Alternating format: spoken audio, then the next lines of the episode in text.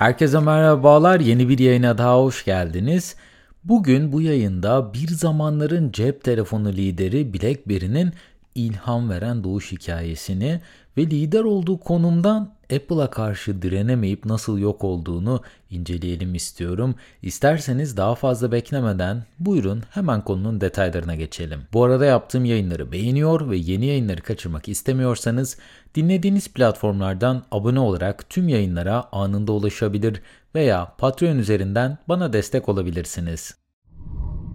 Belki de şu an bu yayını dinleyenlerin pek çoğunun hatırlayamayacağı ancak benim üniversite yıllarında olduğum dönemde piyasayı yakıp kavuran bir telefon markası vardı. O da BlackBerry'di. O zamanlar herkesin dilindeydi bu marka. Geçenlerde BlackBerry'nin hikayesini anlatan harika bir film izledim. Bu film henüz daha yeni, yeni piyasaya çıktı açıkçası. Mayıs ayında çıktı. Ve eğer siz de benim gibi böyle firmaların e, başarıları ve katlandıkları zorlukları araştırmaktan keyif duyuyorsanız kesinlikle izlemenizi tavsiye ederim. Filmin linkini de yine açıklamalar bölümünde sizler için bıraktım. 1984 yılında Mike Lazaridis ve Doug Fragen Waterloo, Ontario, Kanada'da Research in Motion adını verdikleri bir firma ile tüketici elektroniği sektörüne ilk defa giriş yapmışlar.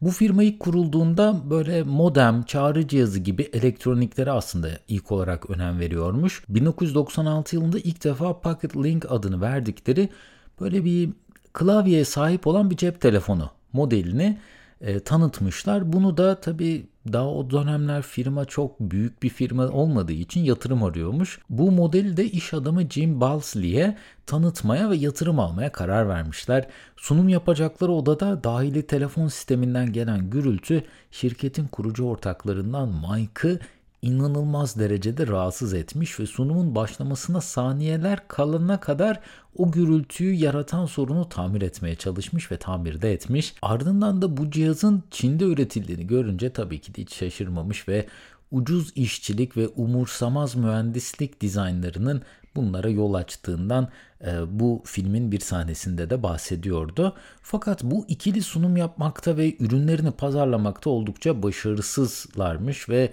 kimin kapısını çalsalar yatırım alamamışlar. Ofislerinde çalışan mühendisler kendi alanlarında çok başarılı olsalar da ofis ortamı daha çok böyle yani bilgisayar oyunları oynamak ve film izlemek için buluşan bir yeri andırıyor aslında.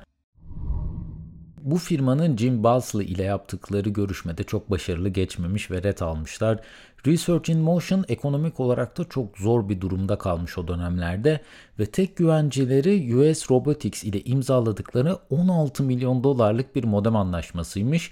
Jim Balsley bu ikiliyi reddettikten kısa bir süre sonra da işten kovulmuş. Jim işten kovulduktan sonra ne yapacağını tam olarak bilemez bir haldeyken odasında bu Research in Motion'dan gelen ikilinin yaptıkları sunumun pankartını görmüş ve e, tekrardan bir incelemiş. Ertesi günde bu firmayı arayıp eğer firmanın %50'sini 125 bin dolar karşılığında kendisine devir etmeyi kabul ederlerse co-founder olarak yani kurucu ortak olarak çalışmayı bu ikiliye önermiş. Firmanın kurucuları ilk başta bunu çok saçma bir teklif olarak değerlendirmişler. Çünkü yani firmanın hali hazırda 16 milyon dolarlık bir anlaşması varmış.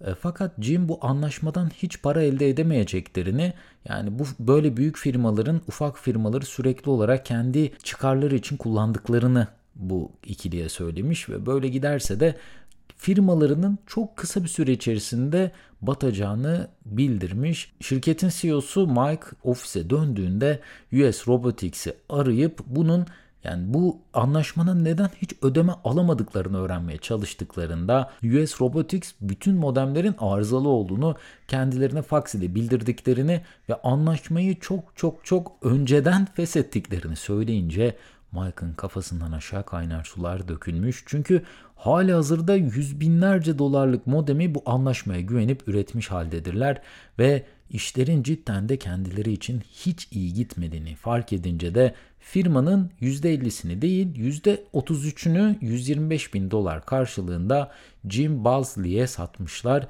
ve işler tam bu noktadan sonra da uçuşa geçmiş. Jim Balsley bu firmaya ortak yönetici olarak gelince bu sektörde üst düzey yöneticileri tanıdığından dolayı hemen Bell Atlantic firması ile bir görüşme ayarlamış. O güne kadar henüz hiçbir telefon e-mail alıp gönderme işlevine sahip değildi tabii. Ve bunu yapmaya çalışan firmalar en fazla 11 veya da 12 adet telefonun birbiriyle iletişim kurmasını sağlayabiliyorlardı. BlackBerry ise kendi telefonlarını bir server'a çevirip binlerce cihazın birbiri arasında iletişim kurabilmesini sağlayacak bir teknoloji geliştirmişti. Jim ve Mike sunuma girmeye hazırlanırken Mike yaptıkları prototipi takside unutuyor ve bir telaşla taksinin peşinden koşuyor.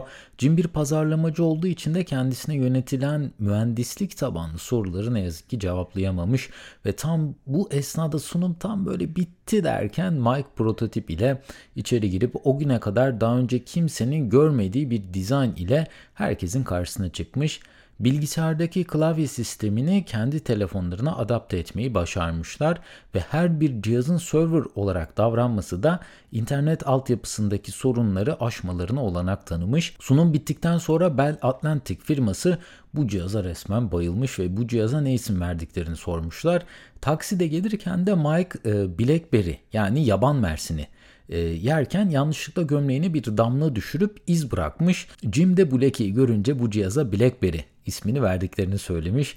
Böylece BlackBerry bir anda tüm dünyayı kasıp kavuran bir cihaz haline gelmiş. Çünkü Bell Atlantic şu anki Verizon firması ve Verizon bir anda bütün müşterilerine bu cihazı duyurmuş. Oprah'ta yaptığı televizyon programında bu telefonu kullandığından ve çok memnun olduğundan bahsetmiş.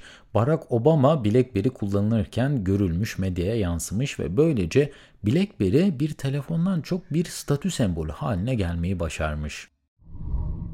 Ayrıca o dönemlerde BlackBerry çoğu firmanın önemsemediği kişisel güvenlik konusuna da önem vermiş bu e, end-to-end encryption denilen yani uçtan uca şifreleme özelliğini kendi cihazlarında geliştirmişler. Böylelikle BlackBerry Messenger denilen uygulama ile sadece internet üzerinden şifreli ve güvenli mesajlaşma özelliği BlackBerry cihazlara gelmiş.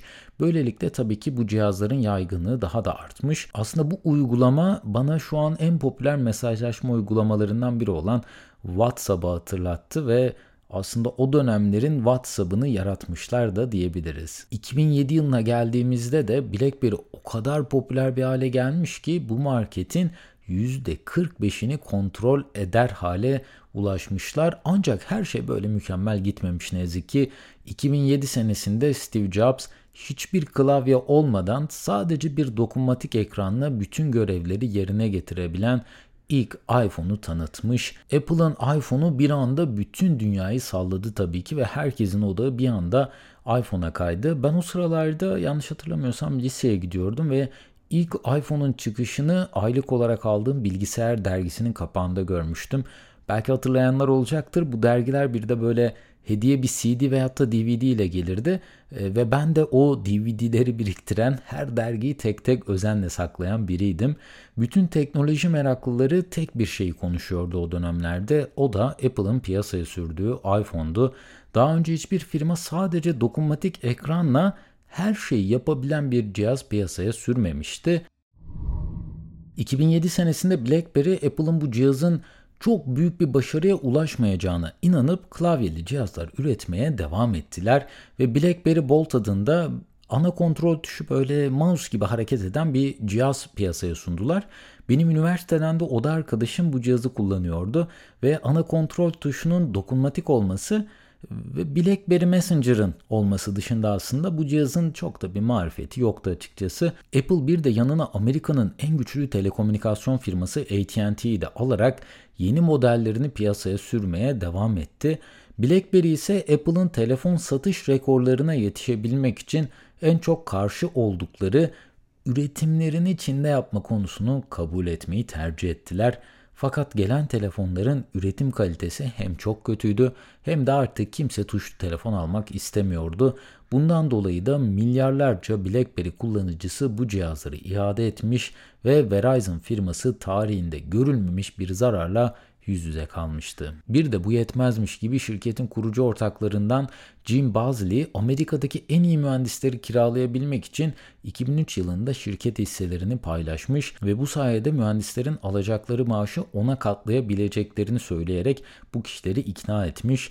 Bunun da ortaya çıkmasıyla şirketin kurucu ortağı Jim Bazley hapis cezasına çarptırılmış. 2015 yılında Android işletim sistemine sahip bir BlackBerry duyurulsa da artık hiç kimsenin bu markaya talebi kalmamış ve 2016 yılında BlackBerry telefon piyasasından tamamen çekilmiş. 2007 yılında bu marketin %45'ine sahip olan bir firma günümüz itibariyle bu markette hiçbir paya ne yazık ki sahip değil. Peki BlackBerry tamamen kapandı mı, ortadan kalktı mı? Cevap aslında hayır. BlackBerry'nin sahipleri el değiştirmiş durumda ve şu an siber güvenlik pazarında çok iyi işler yapıyorlar diyebiliriz. Hatta geçen yıl 656 milyon dolarlık gelir elde ettiklerini de halka arz ettiler. Artık cep telefonu adına herhangi bir üretim yapmasalar da şifreli mesajlaşma teknolojisinin geliştirilmesi, modem ve benzeri elektronik cihaz üretimi esnasında aslında geliştirdikleri bütün bu teknolojileri siber güvenlik alanına aktarmaları BlackBerry'yi yıkılmaktan kurtarmış durumda diyebiliriz. Ancak BlackBerry'nin 2023 yılı itibariyle değeri 3.23 milyar dolar.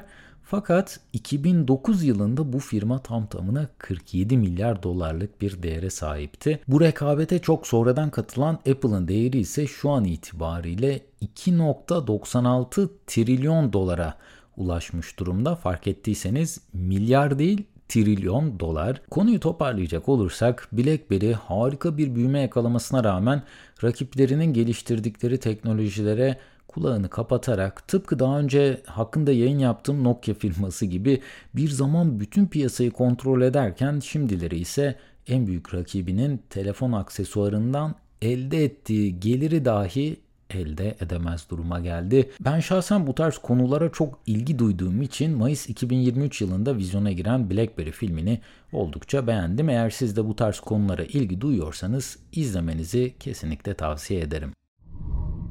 Bu bölümde bir zamanlar fırtına gibi esen ancak şu an adını herkesin unuttuğu BlackBerry firmasının yaşadıklarını konuştuk. Umarım sizlere faydalı bilgiler sunabilmişimdir. Bu arada tüm yayının yazılı metnine ve yayında kullandığım kaynaklara açıklamalar bölümündeki link üzerinden ulaşabilirsiniz. En kısa sürede yeni yayınlarda görüşmek üzere. Kendinize çok iyi bakın. Hoşçakalın.